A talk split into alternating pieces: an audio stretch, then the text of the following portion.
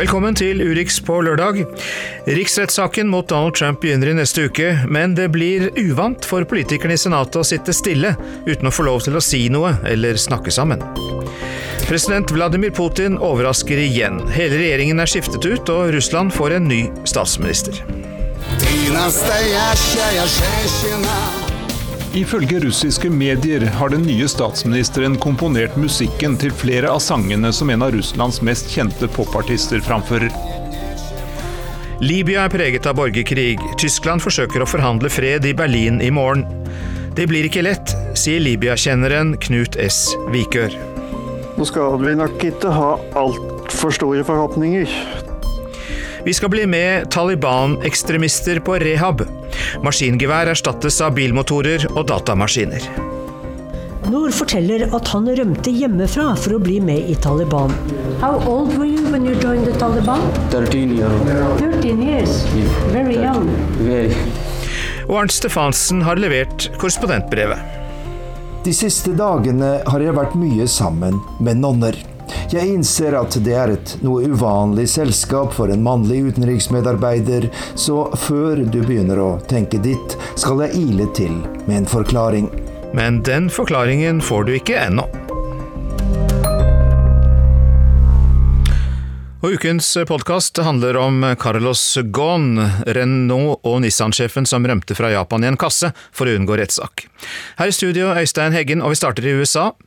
Denne uka leverte Representantenes hus riksrettiltalen mot president Donald Trump til Senatet. Det er også blitt kjent at en av juristene som skal forsvare Donald Trump, er Ken Starr, mannen som etterforsket Bill Clinton, før han ble stilt for riksrett. Hovedanklager mot Trump det blir Adam Schiff, demokratenes leder av etterretningskomiteen Representantenes hus. Schiff sa denne uka at hovedspørsmålet er om Trump holdt tilbake flere hundre millioner dollar i støtte til Ukraina for å tvinge fram hjelp fra Ukrainas president Volodymyr Zelenskyj, og dermed svindle til seg seier i USAs presidentvalg.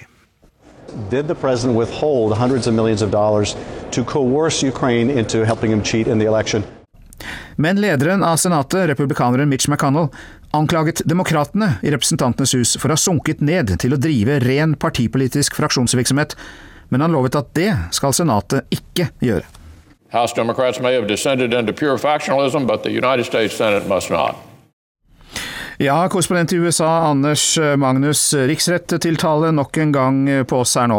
Republikanerne har jo gjentatte ganger sagt at det ikke er noen bevis mot Trump i denne saken. Ingen smoking gun, som det heter i krimsjangeren. Har de et poeng? Det finnes jo en uh, rykende pistol ifølge demokratene, og det er jo selve telefonsamtalen mellom Trump og Zelenskyj, som jo er offentliggjort. Problemet er jo at uh, republikanerne mener at dette ikke er en pistol engang. Så det er måten å oppfatte ting på som kanskje er det mest høyinnfallende i denne saken. Nå ruller jo dette dramaet inn på Senatets scene, der selve saken mot Trump skal foregå. Fortell oss litt om hva som kommer til å utspille seg der. Først så skal de såkalte anklagerne, eller manager som de heter her borte, fra representanthuset legge fram saken. Det ventes at de starter med det på tirsdag. Og så skal da presidentens advokater, det er to stykker av dem, som skal komme med sine motargumenter. Og så blir det sannsynligvis opp til Senatet da, å vedta om de skal innkalle vitner eller ikke. Og så langt så trenger demokratene støtte fra fire senatorer fra den republikanske side for å få et flertall til å innkalle vitner. Det som er interessant med selve, selve saksgangen her, er at når det blir framlagt anklager mot Trump, og når også, man også får høre motsvarene fra Trumps advokater, så har ingen i Senatet lov til å snakke sammen. De har ikke lov til å ha med seg en mobil eller noe annet elektronisk verktøy inn i salen. slik slik at de skal ha full oppmerksomhet om det de sier. Og det er jo ganske uvanlig for disse politikerne. Ikke få lov til å si noe, ikke få lov å snakke sammen. De får ikke engang lov til å stille spørsmål annet enn skriftlig. De må skrive ned spørsmål som så blir lest opp av høyesterettsjustitiarius som leder forhandlingene. Så, så, dette er en måte for å få full oppmerksomhet omkring de anklagene og det forsvaret som legges fram i salen. Ja, dette blir jo spennende for taleglade amerikanske politikere, det forstår jeg. Hvor, lang tid kommer dette til å ta, da? Det kommer helt an på om man tillater vitner eller ikke. Hvis man ikke gjør det, så tror jeg denne saken er over i løpet av eh, kanskje et par uker. Hvis det tillates vitner, så kan eh, mye endre seg. og Da er det noen som ser for seg at det kan ta fem-seks uker det kommer selvfølgelig an på hvor mange vitner og hvem de er. Men eh, hvis eh, demokratene får oppfylt sin liste om fire vitner, blant dem tidligere sikkerhetsrådgiver John Bolton, så kan det ta tid å spørre tid. Og da kan det jo også være at som en motytelse så vil de også gå med på at det innkalles vitner som republikanerne ønsker seg. Og høyest på den listen så står jo Hunter Biden, sønnen til tidligere visepresident og nå presidentkandidat Joe Biden. Og til slutt ender det vel med da, at Trump blir frikjent uansett, fordi det kreves to tredjedels flertall for å dømme ham fra eh, embetet. Uh, og det vil vel ikke skje med republikansk flertall i Senatet? Det er jo Slik situasjonen ligger an nå, så er det ingen tvil om at Trump blir frikjent, men han vil jo fortsatt ha dette stempelet om at han var den tredje presidenten i USA som blir stilt for riksrett, og det er han jo veldig, eh, veldig sint for. Men eh, så kan det jo også skje ting underveis hvis det blir eh, anledning til vitneprov, og hvis disse vitneprovene viser seg å være annerledes enn det mange har trodd, så kan det nok være at noe kan komme til å snu. så vi kan ikke si noe med sikkerhet her, men sånn som saken ser ut nå, så ser det ut til at eh, det ikke kommer til å være nok eh, republikanske senatorer eh, som ønsker å fradømme ham embetet. Nå til det borgerkrigsherjede Libya. Der støtter Tyrkia og Russland hver sin eh, side. Samtidig forsøker disse to landene sammen å forhandle fram våpenhvile og fred. Det er ikke så lett å forstå. Her skal vi granske nærmere hva Russland og Tyrkia er ute etter i Libya. Den irske forfatteren, forskeren og journalisten Mary Fitzgerald har oppholdt seg mye i Libya og har fulgt landets utvikling i en årrekke. Og dette sier hun om Russlands interesser der. It was clear that Russia was looking around the Mediterranean to see what other opportunities might be there to, to expand its influence. Obviously, Etter sin suksess i Syria har Russland sett på områder rundt Middelhavet for å øke sin innflytelse, sier Fitzgerald. Libya er spesielt interessant fordi det ligger i Europas randsone. Gjennom Libya kan Russland påvirke og stresse Europa, sier Fitzgerald. Dessuten er det oppstått et vakuum i Libya fordi USA og europeiske land ikke har foretatt seg noe med konflikten.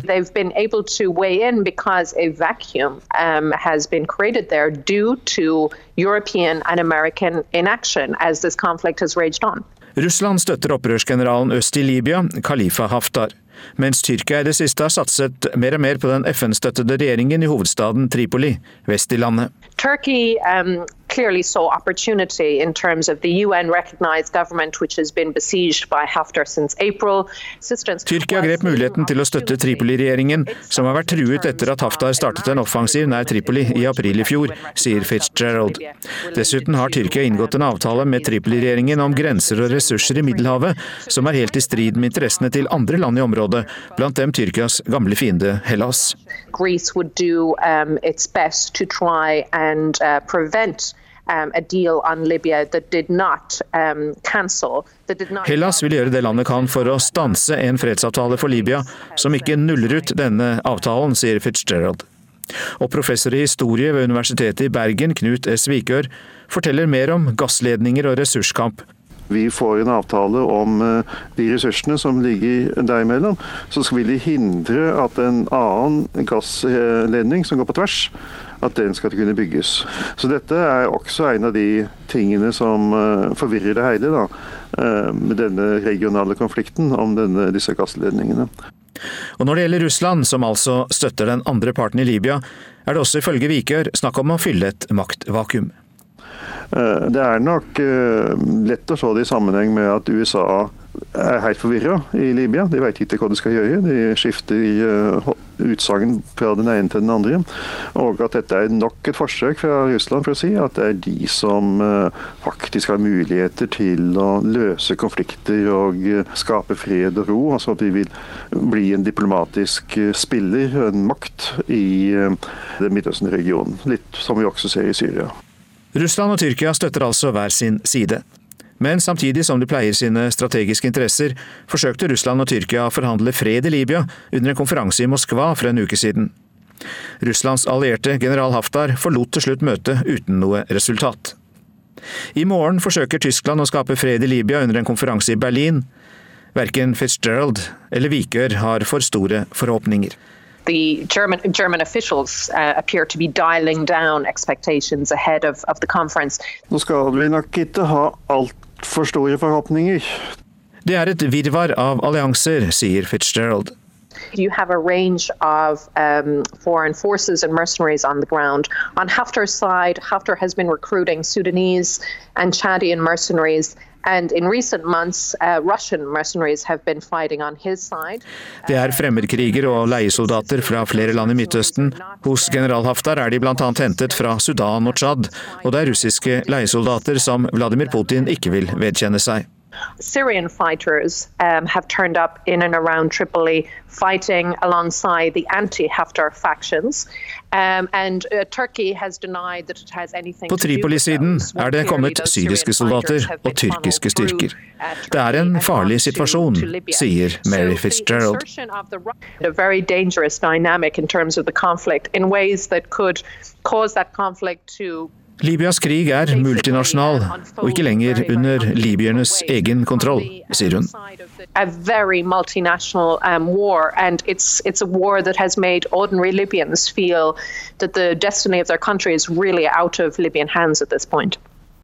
Ja, Libykjenneren Mary Fitzgerald hørte vi til slutt, og vi hørte også professor Knut S. Vikør i eh, dette innslaget.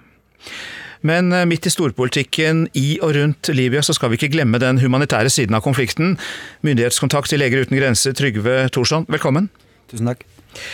Du har bl.a. vært med på skipet Ocean Viking i Middelhavet. Du har truffet mange flyktninger som er reddet opp eh, fra havet. Hvilke følger har den konflikten vi nå har snakket om, for flyktningsituasjonen? Flyktningene og migrantene i Libya er jo blant de mest eh, sårbare i, i landet. Og det er klart at krigen har en eh, forferdelig konsekvens også for dem. Først og fremst er det jo de eh, rundt 4000 som sitter innesperra i interneringssentre i Libya. Flere av disse sentrene ligger jo nær, eller nesten på frontlinjen. I sommer så var det et interneringssenter som ble bomba, Tashura, hvor rundt 50 mennesker, minst 50 mennesker mista livet og 130 ble såra. Jeg har selv snakka med folk som kjente folk som var i Tashura da, da senteret ble bomba. Og rett før jul nå så var det 21 mennesker som ble redda av Ocean Viking, som fortalte hvordan de var sperra inne i hangarer i Tashora uten å se dagslys, og hvordan bl.a. en kvinne som fortalte hvordan hun fant liket av mannen sin etter at interneringssenteret ble bomba. Så det å dra ut på havet er ikke nødvendigvis noe dårligere alternativ, slik de følger det? Det er det de sier, at de vil heller risikere livet på havet enn å bli værende i Libya. Det er også mange av dem som bor utenfor interneringssenteret, som som føler konflikten rett og slett direkte på kroppen. Jeg har snakka med folk som har blitt skutt, eh, blitt truffet, vært i kryssilden, blitt truffet. Folk som har fått huset sitt bomba, og, og folk som sier at de må komme seg vekk fra området rundt Tripoli. Det er jo mange flyktninger i Libya fra andre land uh, i Afrika, men internt i Libya har selvfølgelig også krigen sin virkning. Uh, hva vet du om virkningen for folk flest der, altså libyerne? Det er jo snakk om eh, luftangrep, eh, tungt artilleri, håndvåpen i tett befolkede områder rundt Tripoli, så det er klart at det går hardt utover sivilbefolkningen også. Ifølge FN så er det ca. 150 000 libyere som er på flukt i eget land. Det har også vært libyere som har risikert livet på havet, og som har blitt redda av, av redningsskip eh, der. Og selvfølgelig så går krigen hardt utover sivilbefolkningen. Også flere hundre sivile som har blitt drept så langt, ifølge FN. Mm. Hvilke tiltak mener da du og dere i Leger uten grenser bør settes i verk for å hindre denne lidelsen? Man må øke nødhjelpen til Libya. Man må sørge for at noen kan gi effektiv beskyttelse til flyktninger og migranter i, i, Libya. Per nå så er det ingen som kan sørge for det. så må man også evakuere. Vi har lenge bedt om at de mest sårbare menneskene som holdes i interneringssentre, må evakueres ut av Libya. Og så bør man også slutte å tvinge folk tilbake til Libya når de prøver å flykte sjøveien, som den libyske kystvakten, støttet av EU og Norge, gjør i dag. Hjertelig takk for at du kom til Urix på lørdag, Trygve Thorsand, som altså er myndighetskontakt i eh, Leger uten grenser.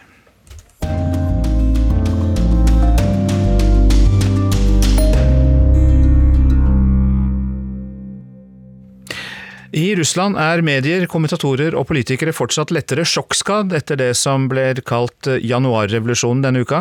President Vladimir Putin vil forandre det politiske systemet og overføre makt fra presidenten til parlamentet og statsministeren. Statsminister Dmitrij Medvedev gikk av med hele sin regjering, og Mikhail Misjustin ble utnevnt til ny regjeringssjef i rekordfart. Og nå lurer russerne på hva dette kommer til å bety i praksis.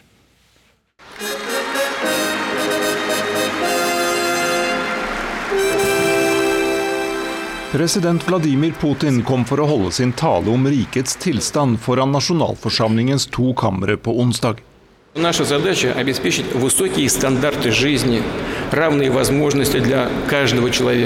Putin snakket først om at myndighetene må bli bedre til å bekjempe fattigdommen i Russland. At folk må føde flere barn, og at det må satses mer på helsevesen, skoler, og at forholdene må legges bedre til rette for bedrifter. Alt sammen løfter som presidenten har kommet med mange ganger før. Men så detonerte han en politisk bombe.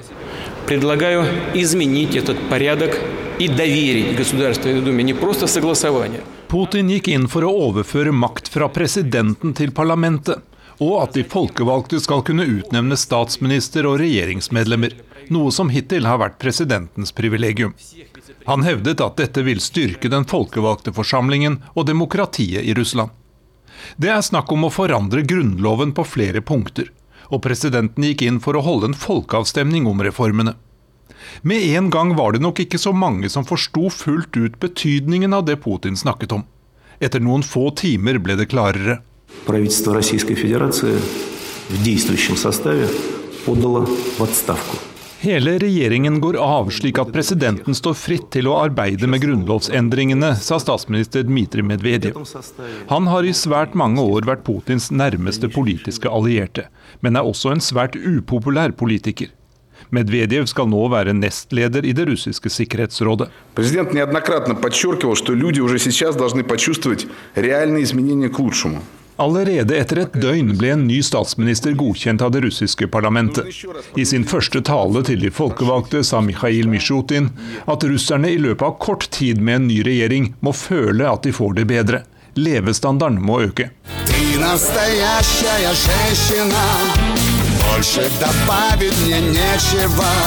Ifølge russiske medier har den nye statsministeren komponert musikken til flere av sangene som en av Russlands mest kjente popartister framfører.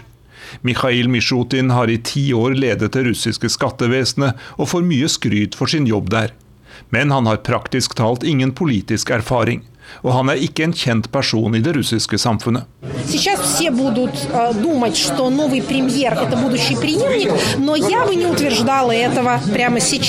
Nå vil alle tro at den nye statsministeren kommer til å etterfølge Putin som president, men det er ikke jeg sikker på, sier kommentatoren Jekaterina Schulman. Hun vil ikke avskrive den avgåtte statsministeren Medvedev.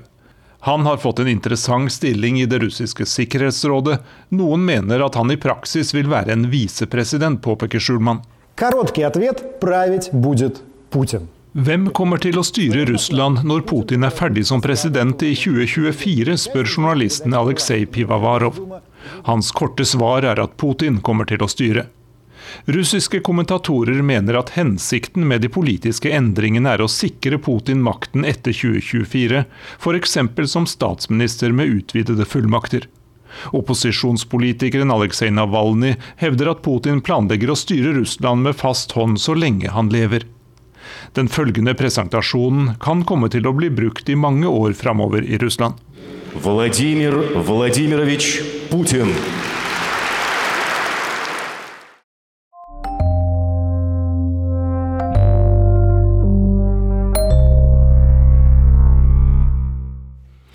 Du lytter altså til Urix på lørdag, og nå til Pakistan. I nesten ti år terroriserte pakistansk Taliban hjemlandet. Det var de som angrep en skole i Peshawar, der 141 mennesker ble drept, av dem 132 barn. Og det var eh, pakistansk Taliban som forsøkte å drepe Malala Yousefzai, som fikk eh, Nobels fredspris i 2014. Den unge menneskerettighetsforkjemperen, altså. Til slutt så nedkjempet Pakistans hær denne terrorbevegelsen, og nå sørger de militære for at eh, tidligere talibanere blir avradikalisert. Korrespondent Sissel Wold har besøkt Saba Sabaon, som er en rehabiliteringsleir i Peshawar. Det bankes og sveises. Rundt et stort metallbord står en gruppe menn, alle i blå kjeledresser, alle har skjegg. Læreren åpner en oransje verktøykasse, og de samler seg rundt bilmotoren som ligger på bordet. Vi er utendørs, og rundt oss ser vi en høy mur med piggtråd, som om vi var i et fengsel. Men vi er i en av sentrene for avradikalisering, som er drevet av den pakistanske hæren i Peshawar. Og her treffer vi Fasal Urahman. Etter ni år i Taliban skal han bli bilmekaniker. Jeg ble med i Taliban fordi vi var så fattige. Taliban-lederen krevde penger fra familien vår, men vi hadde ikke råd til å betale, så jeg ble tvunget til å bli med dem, forklarer mannen som ser ut som han er 50 år, men sier at han er 30. Da terrorbevegelsen skulle bygges opp, banket de på hos folk her i stammeområdene i grenselandet til Afghanistan. De krevde penger, og familier som ikke kunne betale, måtte avse en sønn, nevø eller fetter. Stilt overfor dette vanskelige valget ga familiene fra seg sønnene de hadde minst tro på, for å si det brutalt, forteller en av representantene fra den pakistanske hæren som følger oss rundt i dette senteret for avradikalisering.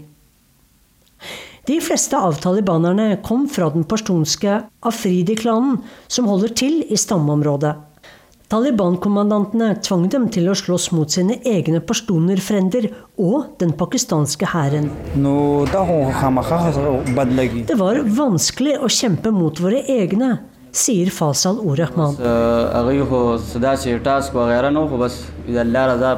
Vi ble fortalt at bare vi i Taliban var ordentlige muslimer, og at alle de andre var vantro, forteller Noor ul-Hadi, en av de yngste ekstalibanerne som er på rehab her. Han sitter inne i et klasserom med flere andre, der de lærer å bruke PC for å kvalifisere seg for jobber. Noen av dem vil utdanne seg videre. For etter tre år på rehabilitering her, skal de tilbake til det samfunnet de angrep og kjempet imot for bare få år siden. Noor forteller at han rømte hjemmefra for å bli med i Taliban. How old were you when you joined the Taliban? 13 years. 13 years. Very young. Very. Jeg var 13 år da, og bare et barn, sier Noor, som er 20 år nå. Vennene mine i landsbyen sa at jeg også burde bli med i Taliban, for da kunne vi kjempe for Gud og jihad. Jeg skjønte ikke helt hva som foregikk den gangen, men jeg ble med fordi jeg ville gjøre noe bra for Allah, sier han til NRK. Vi angrep mange pashtunere. Nå har han lært at han ikke må angripe noen i Pakistan uten at det er regjeringen eller hæren som gir ordre. En viktig del av avradikaliseringen er timene med imamer og religiøse lærde som forklarer dem hva som er den rette islam. Imamene skal lære dem å bli kvitt det ekstreme tankegodset og vrangforestillinger. Skoleuniformen er en tradisjonell shalwar kamis. En mørk vest utenpå en grå genser over en lang, hvit skjorte over lange, hvite bukser. Myndighetene gir oss en ny sjanse, og de behandler oss bra her, sier Nord. Da jeg kom hit, kunne jeg ingenting om humanitet eller menneskelighet. For Taliban-lederne overbeviste oss om at alle andre var vantro og kunne drepes. Taliban angrep den pakistanske hæren gang på gang, og det blodigste angrepet var rettet mot en skole her i Peshawar som var drevet av hæren. Etter terroren hadde 141 mistet livet, av dem var 132 barn. Denne terroren rystet alle pakistanere, ja, en hel verden. Og hæren bestemte seg for å knuse Taliban i Pakistan en gang for alle. Men dette er jo et paradoks, sier jeg, at det er hæren som gir dere en ny sjanse og utdannelse og et nytt liv. You joined the Taliban, you were fighting against your own people, and now uh, the army and the government is giving you a new chance. That's uh, interesting. Very interesting. I'm very happy. Ja, det er veldig interessant, sier Nord med et smil. We focus on the practical skills more, being a, a bit illiterate. Mange av mennene her er analfabeter, forklarer representanten fra militæret. But they can make uh, electronic items, electronic circuits. Mm. Og derfor lærer vi dem praktiske yrker, for selv om de ikke kan lese, kan de lage elektroniske kretsløp. De kan lære seg å sy og lære seg å veve tepper og bli birøktere, sier han. All those who have been uh, the age of 14 years till 30 years, De som er mellom 14 og 30 var krigere i første linje, mens de som var eldre satt i Talibans råd i shuraene. Men når vi spør Nord og Fasal om hva de egentlig drev med i de mange årene de var i Taliban, svarer de at de bare var vakter, de gikk på patrulje. Uansett er de glade for å kunne vende tilbake til samfunnet igjen. Hva syns Fasal Orahman var det beste ved senteret? Jeg synes timene med psykologen var det fineste her, for han lærte meg å finne tilbake til livet igjen, forteller Orahman, som skal passe på at hans fire barn aldri blir med i en slik ekstrem bevegelse. Og en av psykologene ved senteret sier til NRK at så langt eh, har de ikke registrert noen tilbakefall blant eh, dem som er blitt rehabilitert. Du lytter til Urix på lørdag, og i forbindelse med vår omtale av Libya tidligere i sendinga kan vi legge til at tyrkiske hackere nå sier de i går tok kontroll over nettsidene til den greske regjeringen, etterretningstjenesten, nasjonalforsamlingen og børsen i Aten. Den tyrkiske gruppa som kaller seg Aslan Neferler Tim, eller Løvesoldatene, de skriver på Facebook at de kapret sidene i halvannen time fordi de mener Hellas truer Tyrkia i Egerhavet og i det østlige Middelhavet. Og de viser til kritikken fra Hellas mot avtalen med Libyas regjering om utvidelse av den tyrkiske kontinentalsokkelen, som vi hørte om tidligere i denne sendinga, altså. Og så er det kommet melding om at flyprodusenten Boeing jobber for å løse et nyoppdaget problem med programvaren til den ulykkesrammede flytypen 737 Max. Det er en av flere feil Boeing må fikse før flytypen igjen kan settes inn i ordinær trafikk. Boeing 737 Max står fortsatt på bakken i påvente av ny godkjenning, etter at 346 mennesker mistet livet i to flystyrter i Indonesia og i Etiopia høsten 2018 og i mars 2019. Og så til korrespondentbrevet. Det er fra Arnt Stefansen og er sendt fra Colombia. De siste dagene har jeg vært mye sammen med nonner. Jeg innser at det er et noe uvanlig selskap for en mannlig utenriksmedarbeider, så før du begynner å tenke ditt, skal jeg ile til med en forklaring. Det har seg nemlig slik at jeg har vært i Colombia på reportasjereise, og i den forbindelse fikk jeg hjelp av en nonneorden med et stort kontaktnett og en imponerende lokalkunnskap. Jeg har snakket med mange nonner i mine år her i Latin-Amerika, og jeg trives godt i deres selskap. Hvis noen tror at nonner er innadvendte, humørløse og moraliserende, så må dere tro om igjen.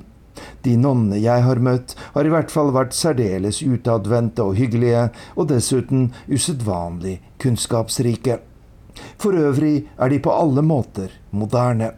De følger godt med i nyhetene og samfunnsdebatten, og når det gjelder teknologi, så er de i fremste rekke. Jeg husker at jeg for mange år siden kom i snakk med en nonne i Chile, og jeg ble både forbløffet og imponert da hun dro frem sin mobiltelefon for å google en opplysning vi var på jakt etter. For oss er internett en fantastisk kilde til kunnskap, og vi bruker det masse, fortalte hun den gang. De nonnene jeg har vært sammen med i Colombia de siste dagene, heter Louisa og Mary. Førstnevnte, en myndig dame i 60-årene, var sjefen, mens Mary var hennes påpasselige assistent og noen år yngre. Deres oppgave var å gi meg hjelp og støtte til et reportasjeprosjekt i Dabeiba, en småby i det sentrale Colombia som har stått i sentrum for noen av de verste grusomhetene under den 50 år lange borgerkrigen i landet.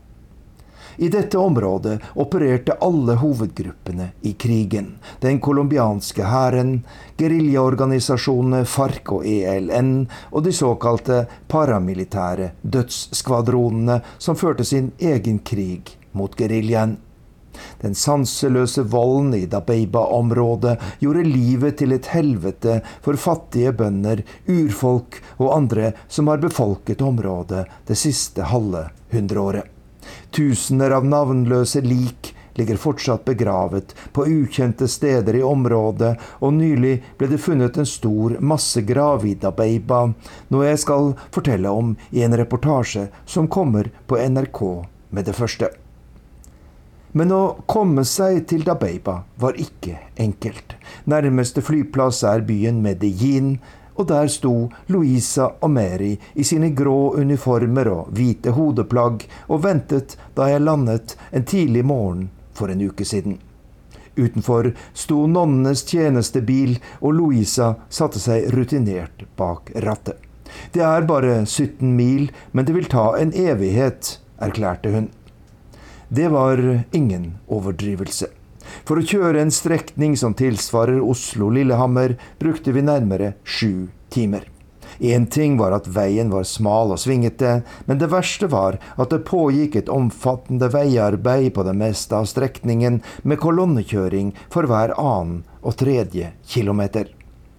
Men de mange timene i bilen ga oss rikelig anledning til å snakke. Og selvsagt snakket vi om fredsavtalen som ble undertegnet for drøyt tre år siden mellom regjeringen og FARC-geriljaen. Under krigen var det svært farlig å kjøre denne strekningen, og for deg som utlending ville det ha vært galskap, sier Louisa. Og alt veiarbeidet som nå gjør det vanskelig å komme frem, er selvsagt en god nyhet.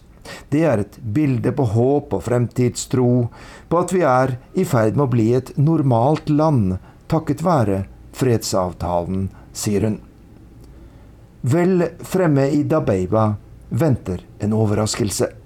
Vil du overnatte i klosteret vårt, spør søster Louisa.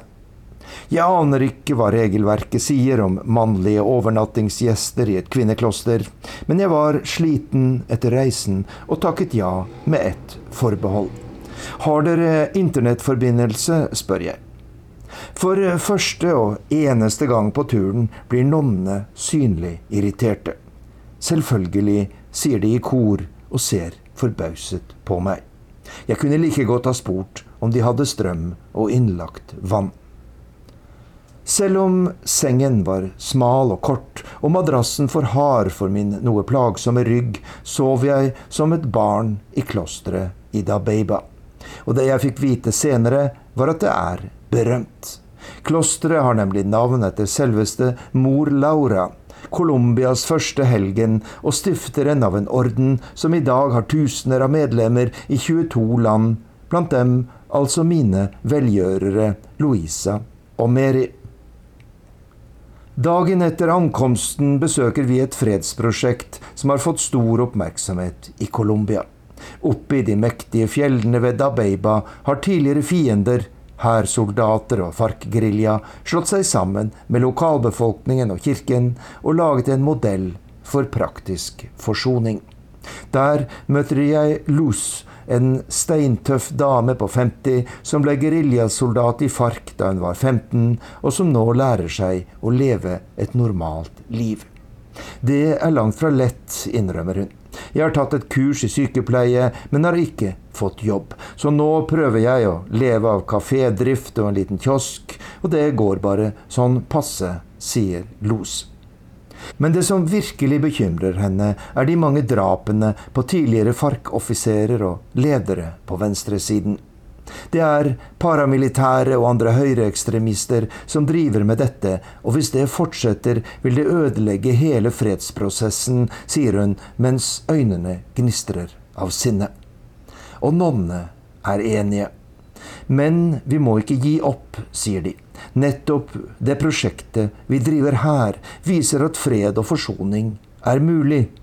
Når vi kan få til noe slikt på et sted der det har skjedd så mange grusomheter, så er det mulig i hele Colombia, sier nonnene i Dabeiba.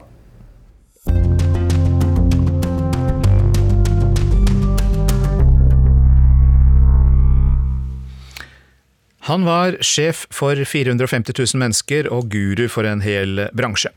Bilkongen feiret 60-årsdagen på slottet i Versailles, og så ble han arrestert for korrupsjon i Japan når alt gikk i knas. Nå er konsernsjefen for Nissan og Renault på rømmen. Hør historien om Carlos Ghosn.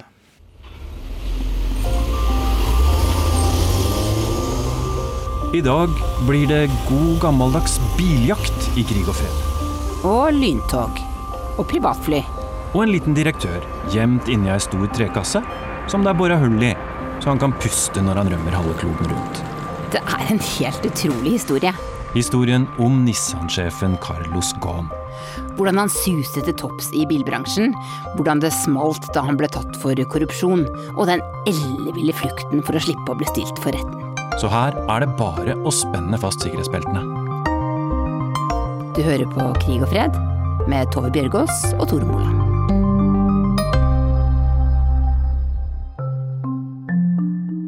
I'm here to clear my name. These allegations are untrue, and I should have never been arrested in the first place. Han var en av bilindustriens aller største folk, eh, de siste 20 årene faktisk. Eh, når han sa hopp, så hoppa folk. Og ja, han ble lyttet til. Kjent som eh, kostnadskutter av dimensjoner, samtidig som han er en god ingeniør. Og så har han da etterhånden vokst til å bli en rockestjerne. Hvem er du? Jon Winding Sørensen heter jeg. Jeg har skrevet om bil hele mitt liv omtrent. Jeg har visse andre interesser også, men det er det jeg har levd av. Et norsk bilblad som heter Bil, er det jeg har drevet med de siste 45 årene. Går det an å spørre hvor gammel du er, Jon? Ja, det går an. Jeg er nesten 80.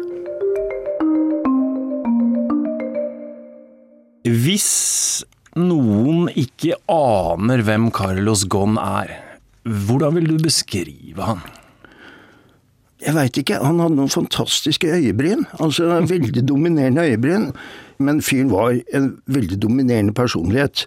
Altså Du merket at du var i nærheten av, av en viljekraft når du var innenfor magnetfeltet hans.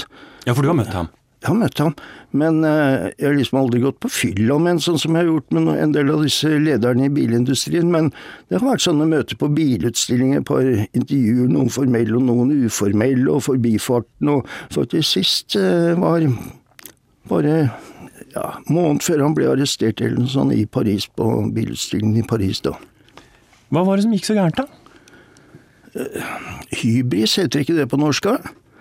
Du begynner liksom å fly litt for høyt, da, så Han ble høy på seg sjøl, rett og slett? Ja, det virker jo sånn.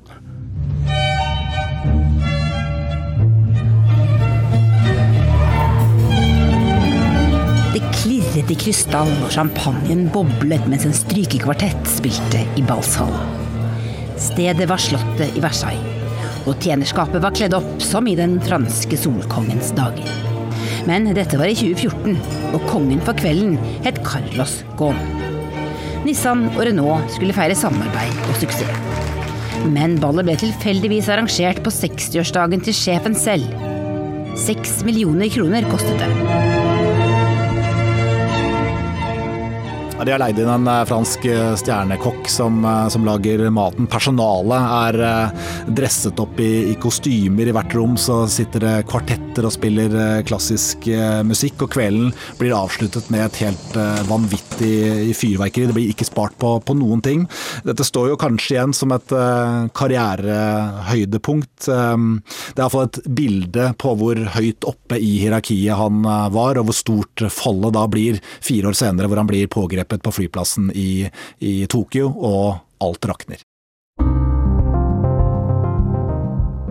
Jeg heter Petter eh, Auli Hauge, og jeg er eh, utenriksjournalist eh, i NRK. Og den siste uka så har jeg fulgt historien om Carlos Ghosn og flukten hans ganske tett.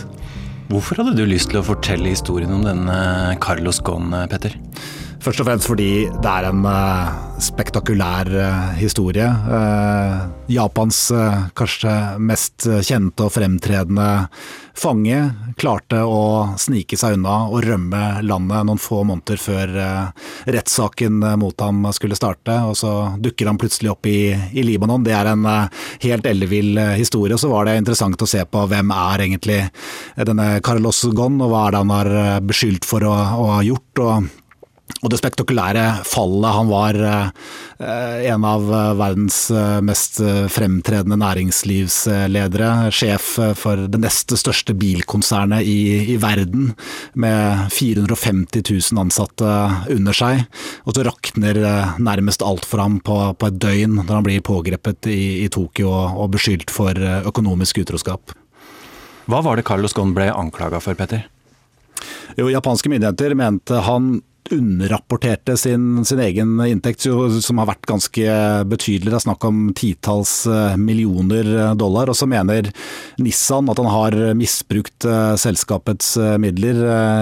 Mange millioner dollar skal ha gått til en, en Nissan-forhandler i, i, Oman. Og dette har Nissan da fått med japanske påtalemyndigheter på å etterforske, og etter hvert ble han altså pågrepet for å, for å ha gjort disse tingene anklaget for disse tingene. Hva slags inntrykk sitter du med av Carlos Ghosn etter å ha studert han på avstand? En uh, suksessfull uh, næringslivsleder. Kanskje litt vanskelig å få voldsomt uh, sympati for. En kanskje litt sånn glatt type, men veldig suksessfull. Har nærmest reddet Nissan fra, fra undergang en gang i, i tiden. gjort det veldig bra. Tjent masse penger. Every revolution needs its Napoleon bilbransjens svar på keiser Napoleon, blir Carlos Ghosn kalt i dokumentarfilmen The Revenge of the Electric Car. Le Cost Killer, han som knerter kostnader, lød kallenavnet i bransjen. Han forente franske Renault og japanske Nissan, og reddet begge bilprodusentene fra kanten av stupet. Og han skapte de første masseproduserte elbilene som folk flest hadde råd til å kjøpe. The 100% electric, zero gas Nissan Leaf. Innovation for the planet. Innovation for all. Da Gåen kom inn, så hang egentlig Renault litt på kanten av stupet pga. dette samarbeidet som forsvant, og han greide å rette opp det. Og så dro han til Japan og overtok Nissan, som var helt på kanten av stupet, og noe av det første han gjorde der. Og sånt gjør man ikke i Japan, altså. Det var å stenge fire fabrikker, jeg tror det var 20 000 arbeidsplasser som forsvant, ja.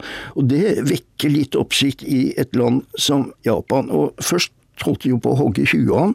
Så tok det ca. et halvt år, så begynte de å lage mangahefter med altså 500 000 eksemplarer en gang i uken, med tegneseriehelten Gone. Det er helt utrolig. Sånn har aldri skjedd før. De lagde rett og slett en tegneserie der han var hovedpersonen? Ja, han var nasjonalhelt i Japan? Ja, totalt, absolutt. Og nå husker jeg ikke hva tegneserie Jeg har et par blader av det, men i hvert fall tegneserien gikk over et halvt år. 'Sannheten om Gåen' het den, og det var altså sannheten i 1999. Så det er nok en annen sannhet vi vil tegne i dag. Jon Winning Sørensen, eh, Carlos Ghosn var altså opprinnelig sjef for Renault, eh, og ble også da sjef for Nissan, som eh, samarbeida tett. Jeg kan ikke så mye om bilindustrien, men jeg innbiller meg at business i Frankrike og business i Japan er to ganske forskjellige ting? Helt klart. Og han nektet å se det på den måten, for han hadde, og har nok fremdeles, et helt klart syn på at business er business. Altså, det er noen materialer som skal foredles og gis merverdi, og så skal det selges i et miljø miljø, sånn at um, eierne dine, aksjonærene, kan tjene penger. Uh, og det har han jo praktisert, fordi um, i den lystige tiden så tjente jo Renault og Nissan vanvittig, nei ikke vanvittig, men de hadde veldig gode marginer. Uh, det har de ikke etter at han slutta. At veldig mye av verdien var basert på at folk trodde på han. Så nå går det dårligere med Nissan og Renault? Ja, ja, ja, ja, ja, mye dårligere. Og det er jo ikke bare det. Men Ergon var jo også tilhenger av det vi ser klare tendenser til å bygge større og større allianser. Uh, småbutikker greier seg ikke lenger, det, det, ser man jo dessverre. Først var det altså Nissan og Renault sammen, så bygde den opp litt allianser mot India, som er veldig viktig, og Russland, som igjen er et marked som kommer. Men for fire år siden eller noe sånt, så ble Mitsubishi også tatt på fersken. De hadde jukset med noen sånne avgassopplysninger og sånn. Og vakla Nei, jo, de vakla. Så Carlos Ghosn gikk inn der også, og gjorde Mitsubishi til en del av denne såkalte alliansen.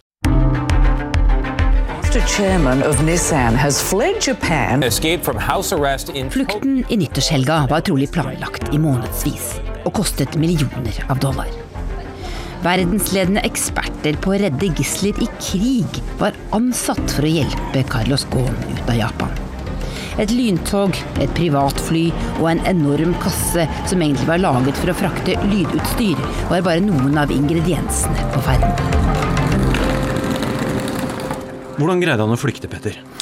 29.12. så sniker Carlos Ghosn seg eh, ut grytidlig om, eh, om, morgenen. Det skal visstnok finnes overvåkningsbilder som viser en mann med cap og solbriller som går ut uh, av hjemmet. Han sniker seg ut av husarrest, rett og slett? Han sniker seg ut av husarrest. Han uh, tok seg i, i taxi, tror man, til en av de store togstasjonene i, i Tokyo. Tok lyntoget Shinkasen mot uh, Osaka. Uh, og ender uh, der oppe på privatflyterminalen ved flyplassen i, Osaka. Og det er ikke tilfeldig at han velger privatflyterminalen i Osaka? Det er ikke tilfeldig, virker alt som. Han har sannsynligvis hatt et team på opp mot 15 personer som har jobbet med disse fluktplanene i, i flere måneder. På Kansai-flyplassen og privatflyterminalen så har de funnet det sikkerhetshullet de trengte. Her var det et problem med, med gjennomlysningsapparatene. De hadde begrenset kapasitet. De fant ut dette teamet at stor spesialbagasje blir ikke gjennomlyst. Uh, og da kom ideen om å putte Carlos Ghosn i en stor kasse, og slik, eller på den måten da få han gjennom flyplassen og ut i et privatfly. Så han rømte Japan i ei kasse, rett og slett? Ja, eh, bildene viser en, eh, en, eh, stor, sort kasse som man vanligvis frakter musikkutstyr i. Den kassen var det boret en del hull i bunnen av, så han kunne puste. Denne kassen eh, ble da fraktet eh, ut i privatflyet. Privatflyet tok etter hvert eh, av og satte kursen mot Istanbul i, i Tyrkia. Der uh, står et nytt fly, privatfly og venter. Kassen blir uh, fraktet mellom disse to flyene, og så flyr man mot, uh, mot Libanon og Beirut. Og I Beirut kommer han ut av kassa? I Beirut kommer han ut i kassa. Da har han uh, sitt franske pass som han har fått uh, tilbake mens han var i, uh, i Japan. Libanon har ingen utleveringsavtale med Japan, og derfor, derfor han, slipper, han, slipper han sannsynligvis unna. This was the most difficult decision of my life. Å flykte fra Japan er den vanskeligste beslutningen jeg har tatt i mitt liv, sa Carlos Ghosn i Beirut i Libanon 8.1. Hele verdenspressen var på plass da direktøren på rømmen for første gang kunne fortelle og forsvare seg. I did not escape justice. I fled injustice. Jeg har ikke rømt fra lov og dom. Jeg har rømt for å slippe unna urettferdighet og politisk forfølgelse, sa den tidligere Nissan-sjefen. Åtte dager etter at han eh, kom seg ut av Japan, eh, så er det varslet en pressekonferanse i, eh, Beirut. Det blir en kaotisk seanse der reportere fra hele verden skriker ut spørsmål på fire forskjellige språk. Carlos Ghosn snakker jo både arabisk, fransk, engelsk og portugisisk. Og alle lurer jo på hvordan eh, kom han seg ut av eh, Japan? Hva kan han fortelle om eh, flukten? Så blir jo, blir jo, alle skuffet, for det vil han si veldig lite om. Det åpner han med å, med å si. Han sier at han var, var spent og, og, nervøs, men, men, han vil ikke si noe om opplegget.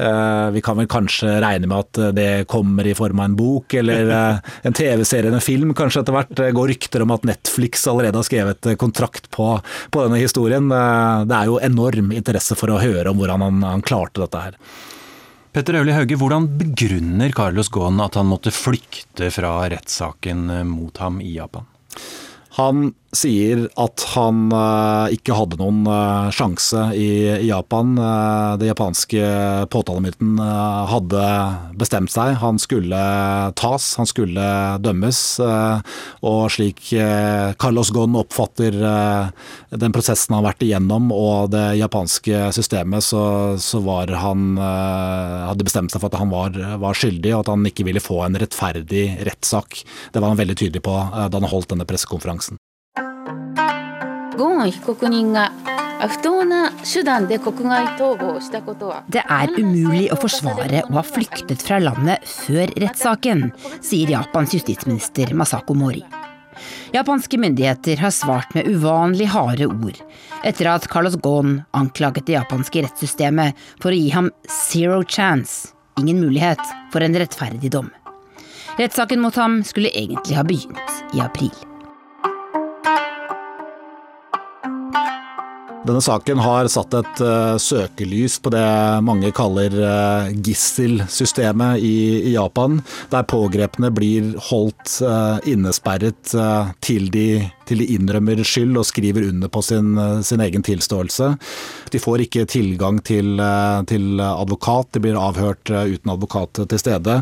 Eh, og de blir også totalt isolert fra, fra resten av eh, samfunnet, for ikke snakke med sin, sin, egen familie. Det er jo sånn i Japan at folk kan holdes i varetekt i 23 dager uten en, uten en siktelse, og, og, disse periodene kan forlenges av en domstol hele tiden. Så Carlos Ghosn han satt 120 dager i, i varetekt. Eh, eh, og han så at han hadde ingen sjanse hvis denne saken skulle komme opp i retten heller.